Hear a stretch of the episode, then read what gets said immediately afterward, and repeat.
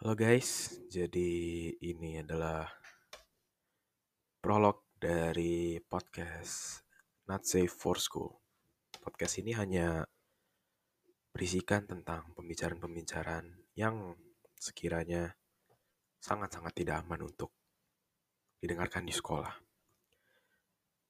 Podcast ini hanya berisikan kenakalan-kenakalan, hal-hal yang sangat tidak senonoh yang dilakukan oleh murid-murid di sekolah.